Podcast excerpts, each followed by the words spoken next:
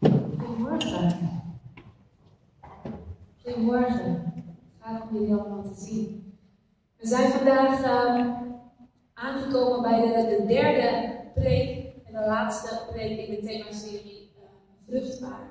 De sleutels tot vruchtbaar gewend zijn. Met als thema aanbidding. En de laatste twee maanden van het jaar 2022, van het afgelopen jaar, is er een reeks overweldigende aanbiddingsdiensten georganiseerd. Het waren diensten waar duizenden mensen op afkwamen. Het waren diensten waar mensen vol verwachting, vol verlangen naartoe gingen. Mensen gingen uitgedost. Mensen zongen uit volle borst met de muziek. Er werd gezwaaid met vlaggen. Er werd op de maat van de trommels meegejubeld, meegejuicht. Er werd gelachen, er werd gehuild, alles was er. En alles kon er zijn. En zelfs de mensen die niet fysiek aanwezig konden zijn, zelfs de mensen die niet fysiek aanwezig konden zijn, die konden het volgen vanuit huis. En ook daar zag je massaal en wereldwijd dat mensen zelfs thuis zich uitdosten, meezongen, meegingen. Dezelfde gejubel, hetzelfde gejuich, lachen, huilen. Het was het wereldkampioenschap voetbal. Het wereldkampioenschap voetbal 2022.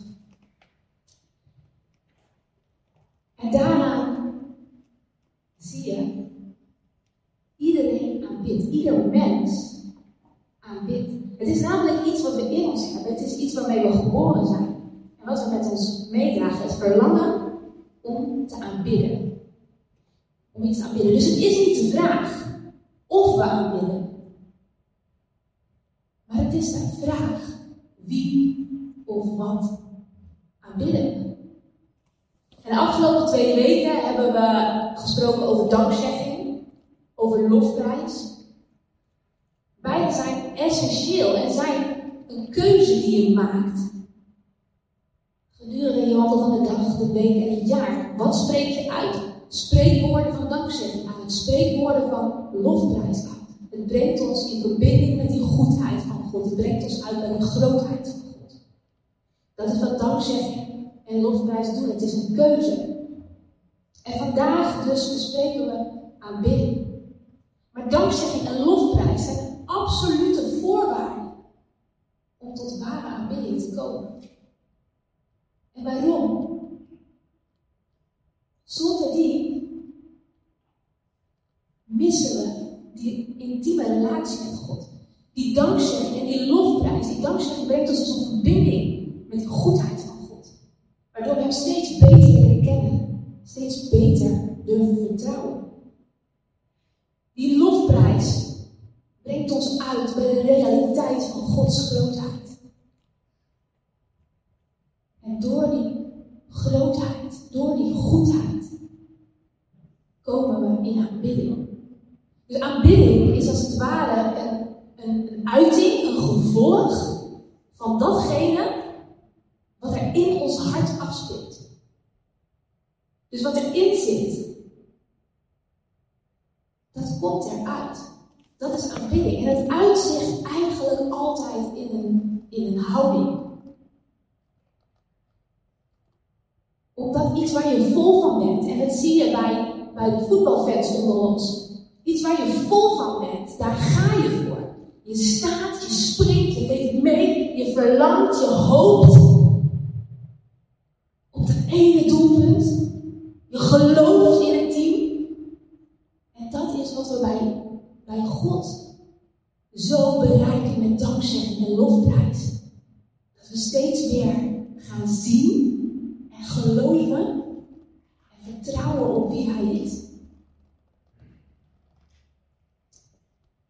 Dus, weet je, er zijn natuurlijk allerlei vormen van aanbidding zo in de wereld. In de fysieke wereld gebeurt het heel veel en is het ook niet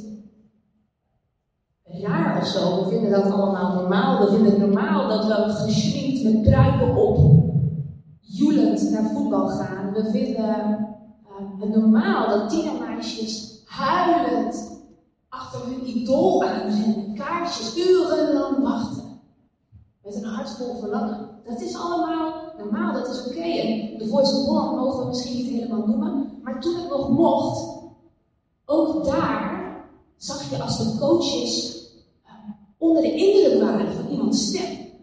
Dan kwamen ze aanrennen en dan knielden ze en dan, dan gingen ze zo'n aanbiddingshouding doen. Van ik aanbid jou, kom in mijn team. Ik wil jou, ik geloof in jou. En ik vertrouw jou. Ja, dus we snappen elkaar en mensen uiten in een houding wat van binnen leeft. En het interessante van alles is dat dat dus in de, onder onze christenen, in de christelijke kerk, spelen er twee dingen. En vanuit het, het, Nieuwe Testament zagen we natuurlijk de fariseeën die, die dol op die religie waren en op de voorste rij gingen zitten en kijk mij eens bidden op de hoek van de straat. Ik ben aan het bidden, ik ben aan het aanbidden. Maar wat er ook grotendeels in onze kerk gebeurt, is dat we eigenlijk bijna niet aanbidden. Dat we ons een beetje ongemakkelijk voelen of, een beetje last hebben van de omgevingsbewustzijn. Misschien soms zelfs schaamte.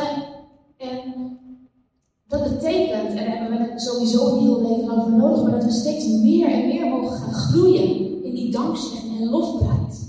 Want aanbidding kun je niet faken. Mensen faken het wel. Mensen doen wel ze aanbidding maar dat is geen aanbidding. Aanbidding je ziet bij die tienermeisjes die urenlang huilend verwachten. Dat komt diep vanuit hun hart. Aanbidding is dat wat we moeten hebben naar God. Doordat we met dankzegging en lofprijs zo vol zijn van wie Hij is. Dat we er enorm naar verlangen. En als we kijken naar uh, David. David, um, een man die, die heel veel mee heeft gemaakt. Zichzelf enorm getraind heeft in dankzegging, in lofprijs. Dwars door alle benauwdheden heen, alle moeilijkheden. We hebben er de afgelopen twee weken natuurlijk al meerdere keren David onder de loep genomen. Met zijn, met zijn prachtige roep naar God. Hoe hij alles voor Gods voeten neer stortte, maar nooit stopte voordat hij dankbaar was in zijn hart, onder alle omstandigheden, voordat hij Gods naam groot had gemaakt en zijn vertrouwen naar hem had uitgesproken. Nou, kijken we uh, naar David in 2 Samuel op het moment dat hij de, uh, de ark des verbonds terug ging halen naar Jeruzalem. Hij was enthousiast in zijn hart geworden. Hij was vol verlangen. Hij dacht, wacht eens even. Die ark des verbonds, de aanwezigheid van God, troont daar. Die moet terug naar Jeruzalem. En dan komen we bij 2 Samuel 6, vers 14. En daar staat, en David danste uit alle macht voor het aangezicht des Heeren.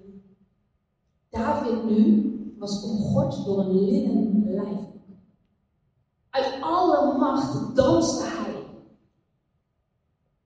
voor de Heer. Hij deed hier geen toneelstukje van, nou, dan moet ik even een ongemakkelijk dansje doen.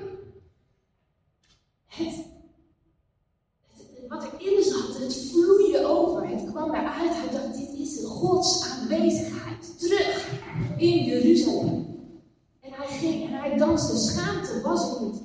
Uit alle macht kwam hij in aanbidding. Danste hij voor het aangezicht van de Heer. Het uitte zich. Niet in een, in een handen in de broekzak. We gaan die arm maar eens even ophalen. Want is zo mooi. Ik ben echt zo enthousiast over. Ik ben echt zo blij wel dat, uh, dat God in ons midden kwam.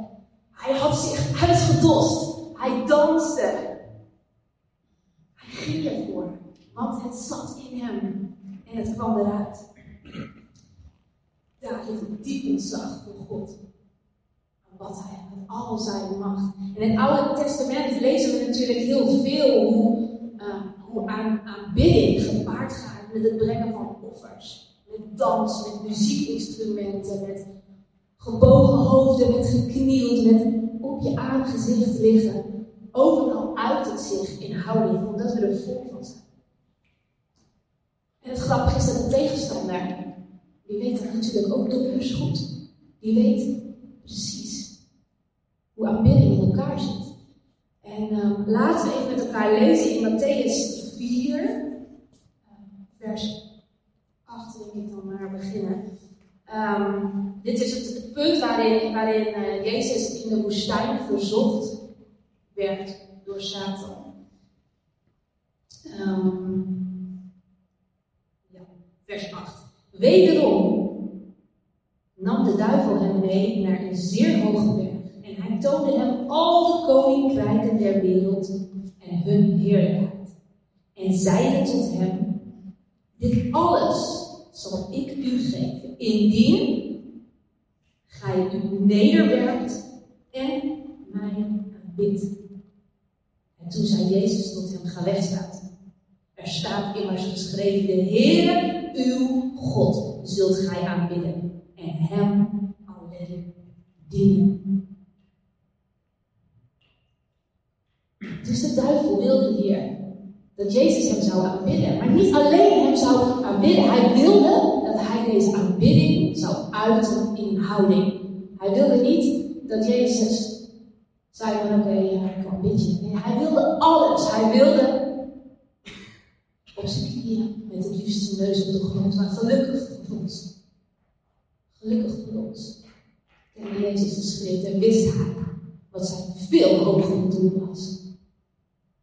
Zult de Heer uw God alleen aanbidden en Hem dienen. En Hem dienen. Hij had ons voor ogen, Hij had het hogere doel. En ik wil vanuit hier een, een sprong maken naar zijn uh, bediening uh, naar Johannes, Johannes 4. Johannes 4. En dan. Uh, dit is het verhaal van de, van de Samaritaanse vrouw. En ik val er even middenin, in vers 19. We komen zo nog wel even op rondom de uitleg eromheen.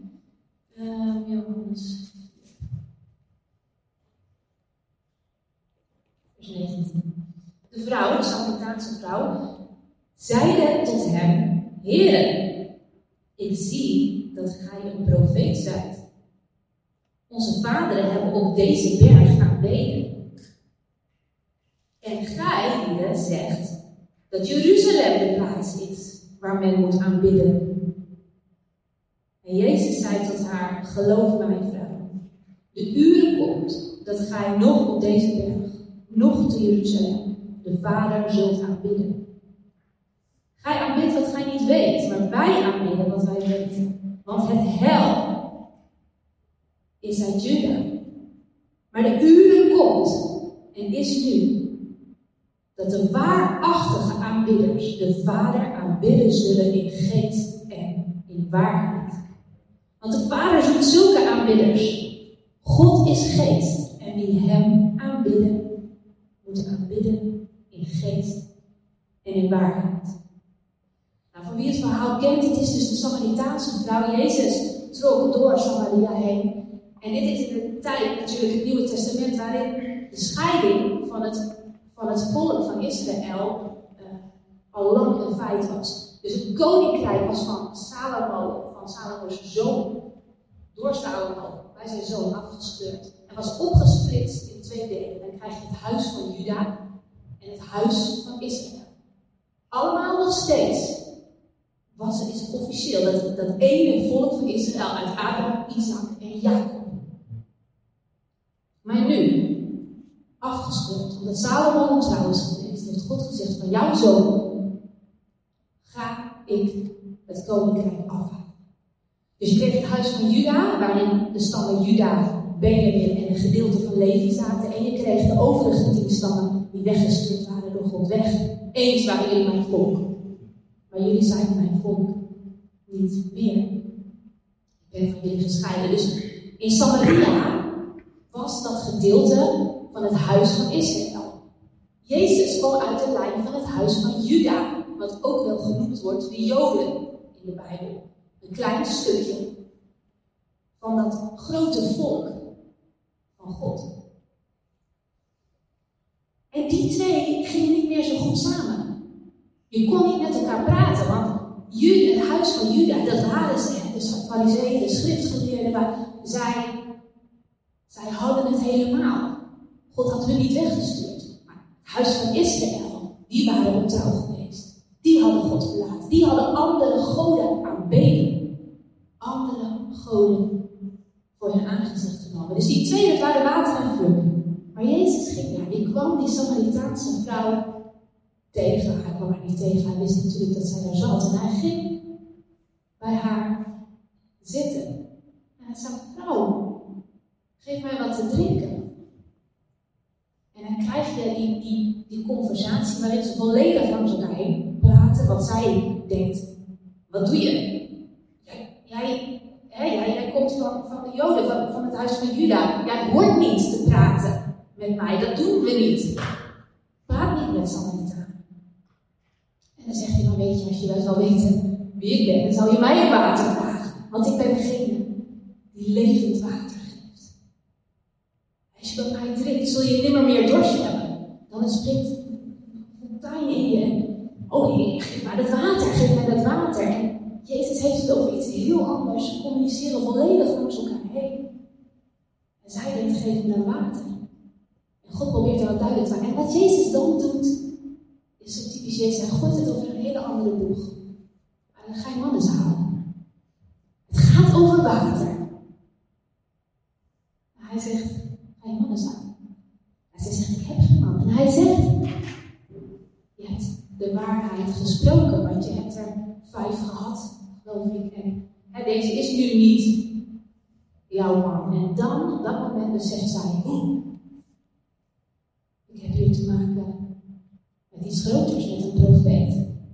En het interessante, op het moment dat zij dat beseft, dan gaan we even terug naar die tekst, dan schakelt bij haar het hele systeem water en heeft geen emmer en u heeft geen. Dat schakelt om naar één vraag. Wacht eens. Als hij een profeet is. Wij zitten met het huis van Juda en het huis van Ismaël.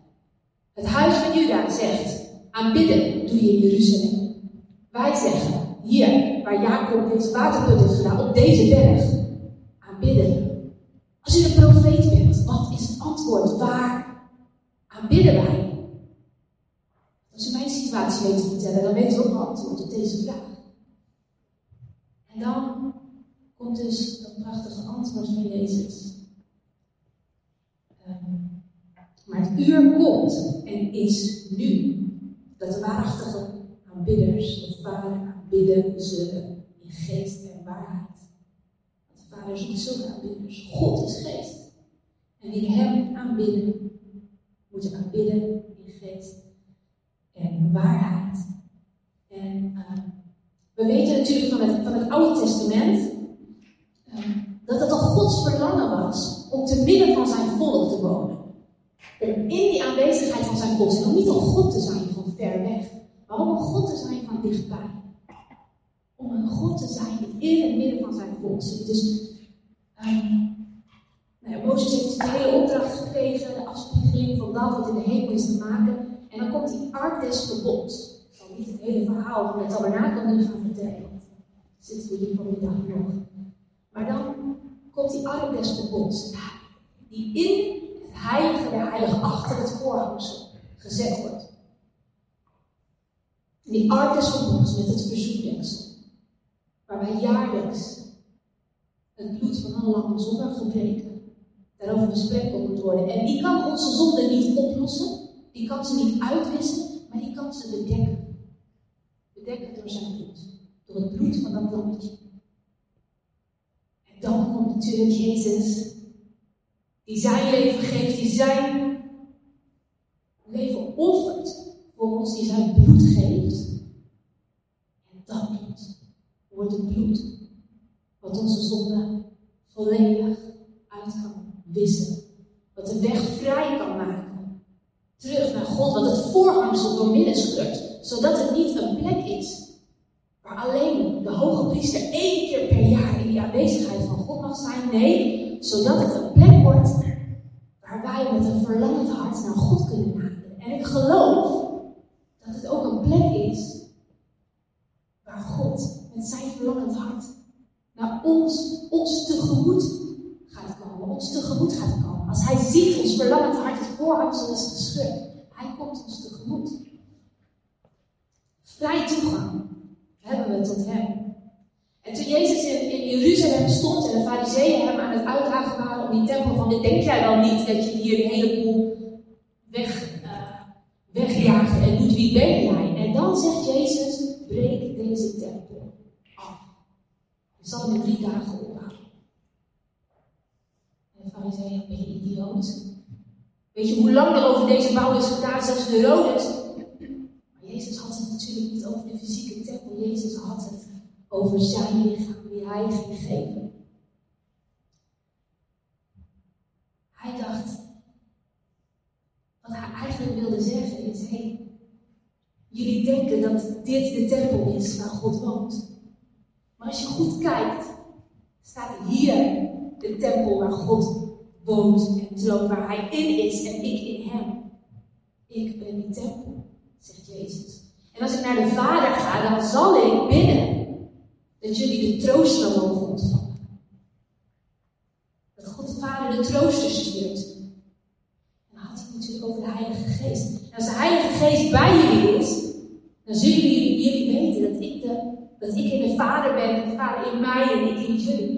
Zo'n grote eenheid. En op dat moment dat de Heilige Geest komt, zal hij bij jullie en in jullie zijn. je, God heeft het ons heel simpel gemaakt. Als we kijken naar het Oude Testament, hoeveel offers, hoeveel dieren geslacht moesten worden, hoeveel altaren er gebouwd moesten worden. Hoe je naar Jeruzalem soms wilde, als je echt wilde aanbidden, want daar was God in die ark verbond, in die, in die tempel. Hij heeft het ons heel simpel gemaakt. We hoeven niet naar een berg, we hoeven niet naar Jeruzalem om te aanbidden. Het gaat alleen tussen ons en de Heer. Het is een heel intiem moment, die aanbidding. Het gaat tussen ons hart, wat verlangt naar Hem. Die geest en die waarheid.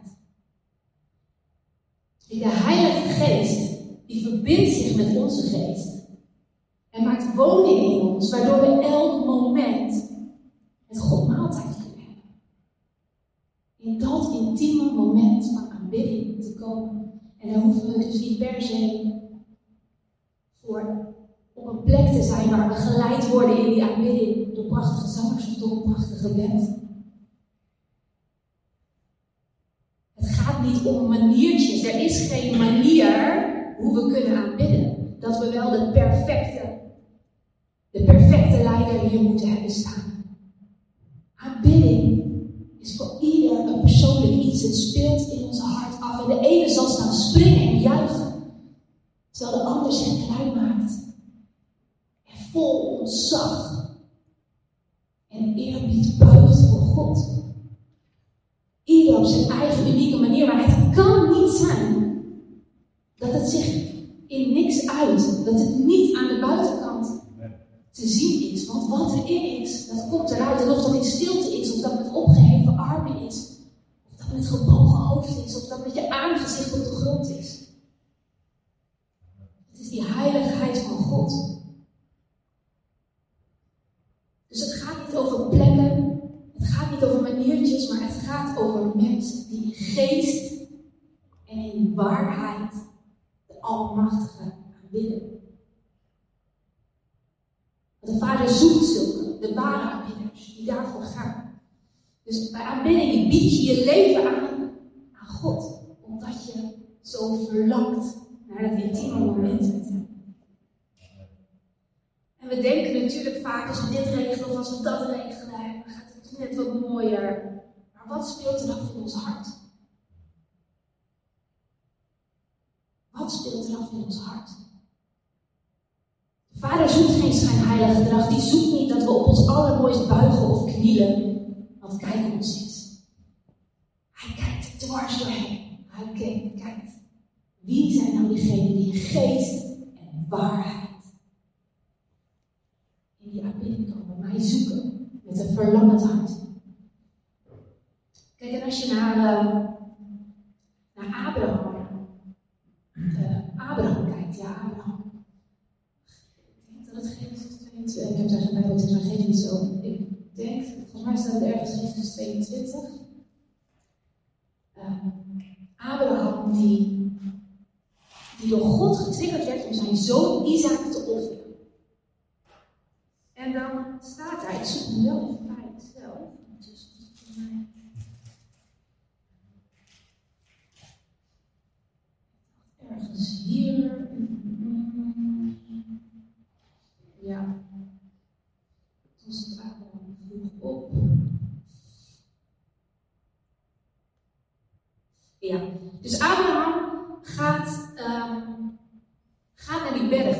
gewezen heeft. Hij zegt, daar, daar ga je mij aanbidden. Daar wil ik dat jou, jij jouw beloofde zoon aan mij offert.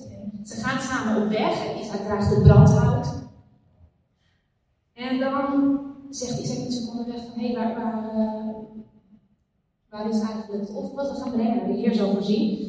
Maar toen Abraham, uh, oh, en Abraham zei tot zijn knechten, dus op een bepaald punt, toen ze het berg nadert, zei Abraham tot zijn knechten, Genesis 22, blijf gij hier met de ezel, terwijl ik en de jongen daar ginds heen gaan. En wanneer we God hebben aanbeden, zullen we tot u terug, terugkeren. Toen nam Abraham het hout, uh, toen Abraham het hout voor het brandoffer en legde het op zijn zoon Isaac en dan het vuur en het met zich mee. Dus Abraham ging hier in vol vertrouwen God te aanbidden. Met het offer wat God van hem had gevraagd. Wat ondenkbaar voor ons is. Je eigen zoon, die notabene God zelf aan hem beloofd had. Maar het interessante is dat Abraham niet zegt, dit was het dan. Abraham zegt tegen zijn knecht, blijf even hier. Wij gaan God aanbidden en we zijn zo weer terug. Wat Abraham wist, dat God bij macht was, die geloofde, die nam zichzelf voor, staat God bij macht was dat te doen. Om hem zelfs uit de doden op te wekken.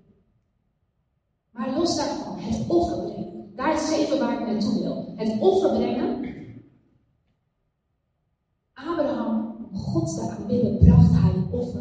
En hij hoeft van God zijn zoon niet te geven. Want als het goed is, ik denk dat jullie allemaal het verhaal geven. God heeft hem behoed en God heeft niet Abraham zijn, Isaac, zijn zoon Isaac laten offeren. Maar God heeft zijn enige geboren zoon gegeven. Dat ieder die in iets verloren hoeft te gaan. Maar eeuwig leven heeft gegeven. Dus kijk, dat is de trick. En wat offeren wij tegenwoordig nog? Wij hoeven niet met altaren te sjouwen. We hoeven niet met brandhout te sjouwen. We hoeven niet met dieren over ons nek te sjouwen om die eens even van kant te maken. Want dat gedeelte heeft Jezus volbracht. Maar de vraag is, zijn wij bereid om een offer te geven? Zijn wij bereid om onszelf te geven? Zijn wij bereid om los te laten wat onze eigen zekerheid is? Om los te laten wat onze eigen zekerheid is in het geloof en de verwachting dat we weer van God terug gaan ontvangen. Maar beter en mooier. Dat is het punt waar we mogen komen. Dat ook wij nu, nou al die offers niet meer hoeven te brengen. Dat we zelf dat offer mogen zijn los te laten. Aan onze zekerheid los te laten aan ons leven. En Jezus zegt, ja, gaat het van mij terug ontvangen. En meer nog en meer nog. Zo'n eerst en mijn gerechtigheid. En alles zal je erbij gegeven worden. Zoals Abraham niet terug hoefde zonder zoon. God voorziet hij is de voorziener en Abraham sprak het uit. God zelf zal voorzien. Hij zei niet maar sorry mijn zoon, ik denk dat jou even van kan maken. God zelf zal voorzien. En als het moest, dan zou hij het doen. Wetende dat God had hem beloofd. Dus dan zal God hem wel weer uit de doden opwekken. Maar God wil het tegen. Nou, we gaan richting een afronding. Ik hoop dat jullie nog een beetje warm zijn. Zometeen staat er lekkere koffie en, uh, en thee. Kijk, als de Heilige Geest in ons is, dan is die daar om, om woning te maken, om een heiligdom te creëren binnenin ons. Dat is wat de Heilige Geest doet. Die creëert dat heiligdom. En waar is een heiligdom voor? Een heiligdom is daar om diegene te vereren die woning wil maken in dat heiligdom. Dus er komt iemand in dat heiligdom en die willen we vereren zo weten we met de tabernakel natuurlijk die, die waar we het over hebben gehad. Het heilige en de heilige der heiligen. Dit is hoe God ons heeft gemaakt. God heeft ons gemaakt. Geest, ziel en lichaam. En daarom lof, dankzegging, lofprijs en aanbidding zodat we via dankzegging door de poorten het voorhof inkomen. Met lofprijs wandelen het, heilige in. En in aanbidding komen we dan in dat heilige der heiligen. Daar waar God zelf troont. Daar in de aanwezigheid van God hoeven we niet te wachten tot we doodgaan. We mogen nu al in zijn aanwezigheid zijn. Hij is een God die zich laat kennen. Die dicht bij ons wil zijn. Die als van ouds al te midden van zijn volk wilde zijn. En nog steeds dezelfde is vandaag. Op een nog mooiere manier. Dan in de tijd van de tabernakel en de tempeldienst. Dus weet je, die, geest, dat heilige de heilige, dat is precies dat stuk waar het dusdanig diep gaat. En daar waar de Heilige Geest zich verbindt aan onze geest, waar, waar, God komt. Dus dat doen we vanuit onze geest, vanuit die, onze geest die in verbinding komt met Gods geest. Dat is waar aanbidding begint. En het gebeurt niet in het volume, in het volume van muziek. Het gebeurt niet in een drumstel, maar het gebeurt hier diep binnenin. En daarom helpt het ook niet als we zomaar aanbiddingsliederen gaan zingen. Het gaat erom dat ons hart gericht is op Hem. Ik weet nog een aantal weken geleden hier na de dienst. Hadden we even een momentje met z'n drieën, Debbie Ruben en ik. En, we gingen bidden en we gingen God loven en prijzen voor, voor de dienst, voor, voor wat Hij doet, voor wat Hij gaat doen, voor dat wat wij nog niet zien, maar wat Hij gaat geven. En opeens was daar die diepe heiligheid van God, wat ons alle drie, zonder enige communicatie met elkaar, dat alle drie op hetzelfde moment op de knieën bracht. Zonder dat we het in de gaten hebben, met onze ogen open, zaten alle drie op onze knieën, omdat we alle drie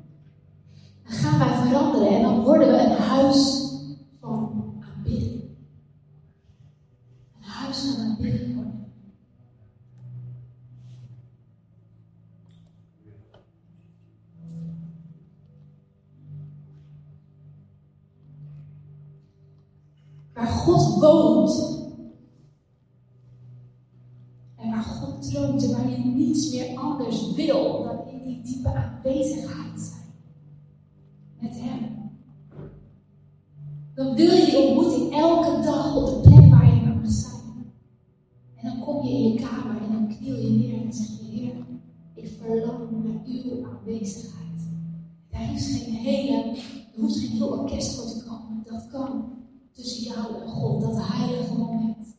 Met een verlangend hart.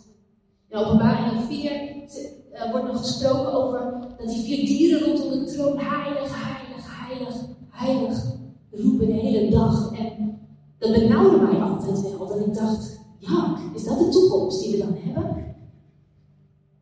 Maar het gaf mij de diepe openbaring. Kijk, als, het, als we het koud hebben, dan zeggen we is, dan hoor je ons, oeh, warm mee. Maar als de atmosfeer dusdanig heilig is, als je elke keer iets nieuws mag zien in die prachtige, allerhoogste God, dan borrelt dat wat in je is naar buiten en zeg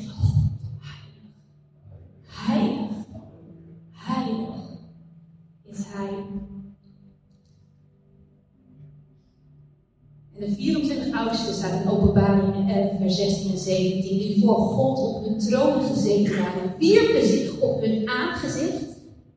En het is vrije wil, hè? God heeft ons een vrije wil gegeven. Dit is niks, geen geforceerd gedrag dat God wil dat we een soort van aanbiddende robots worden. En de 24 oudsten die, die voor God op hun troon gezeten waren, wierpen zich op hun aangezicht, aanbaden God en zeggen: Wij danken u, Heere God, Almachtige, die is en die was dat gij uw grote macht hebt opgenomen en het koningschap hebt aanvaard. Kom op de past Laten we afsluiten met, eh, met een Bijbeltekst uit uh, Psalm 97. De bergen versmelten als was voor zijn aangezicht. Want Heere, gij zijt de Allerhoogste over de hele aarde. Kom, laten wij hem aanbidden, die koning. Laten we met elkaar bidden. Vader, almachtige God, ik dank u wel. Wat een prachtige, liefdevolle God bent u. Dat u een God bent die zich laat kennen, dat u steeds iets biedt kennen wanneer we door de poorten van dankzegging gaan. De heilige tent van lofprijzing. Heren, u ons wilt ontmoeten en diepst binnen in onze geest. Het heilige der heiligen. De heilige geest een plek heeft gemaakt voor u om woning te houden. U, Vader, de Zoon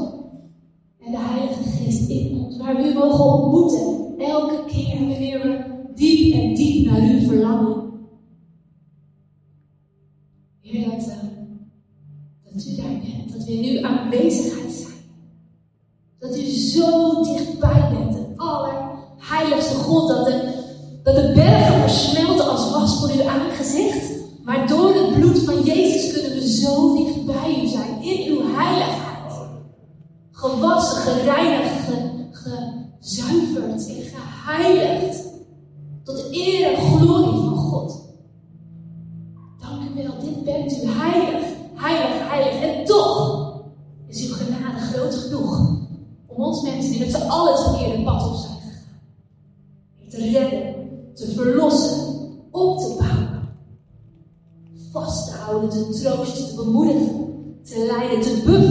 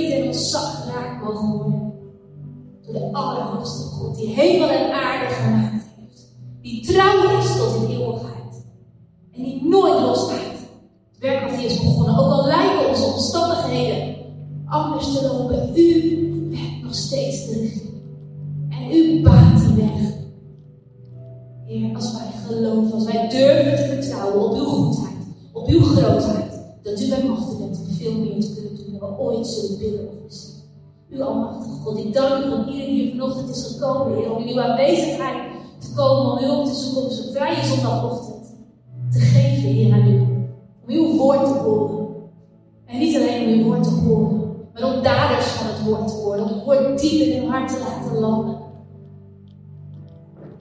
Heer, dank u wel. Ik zegen zo iedereen in de naam van Jezus Christus. Dat ze het woord iets meer mag laten opbloeien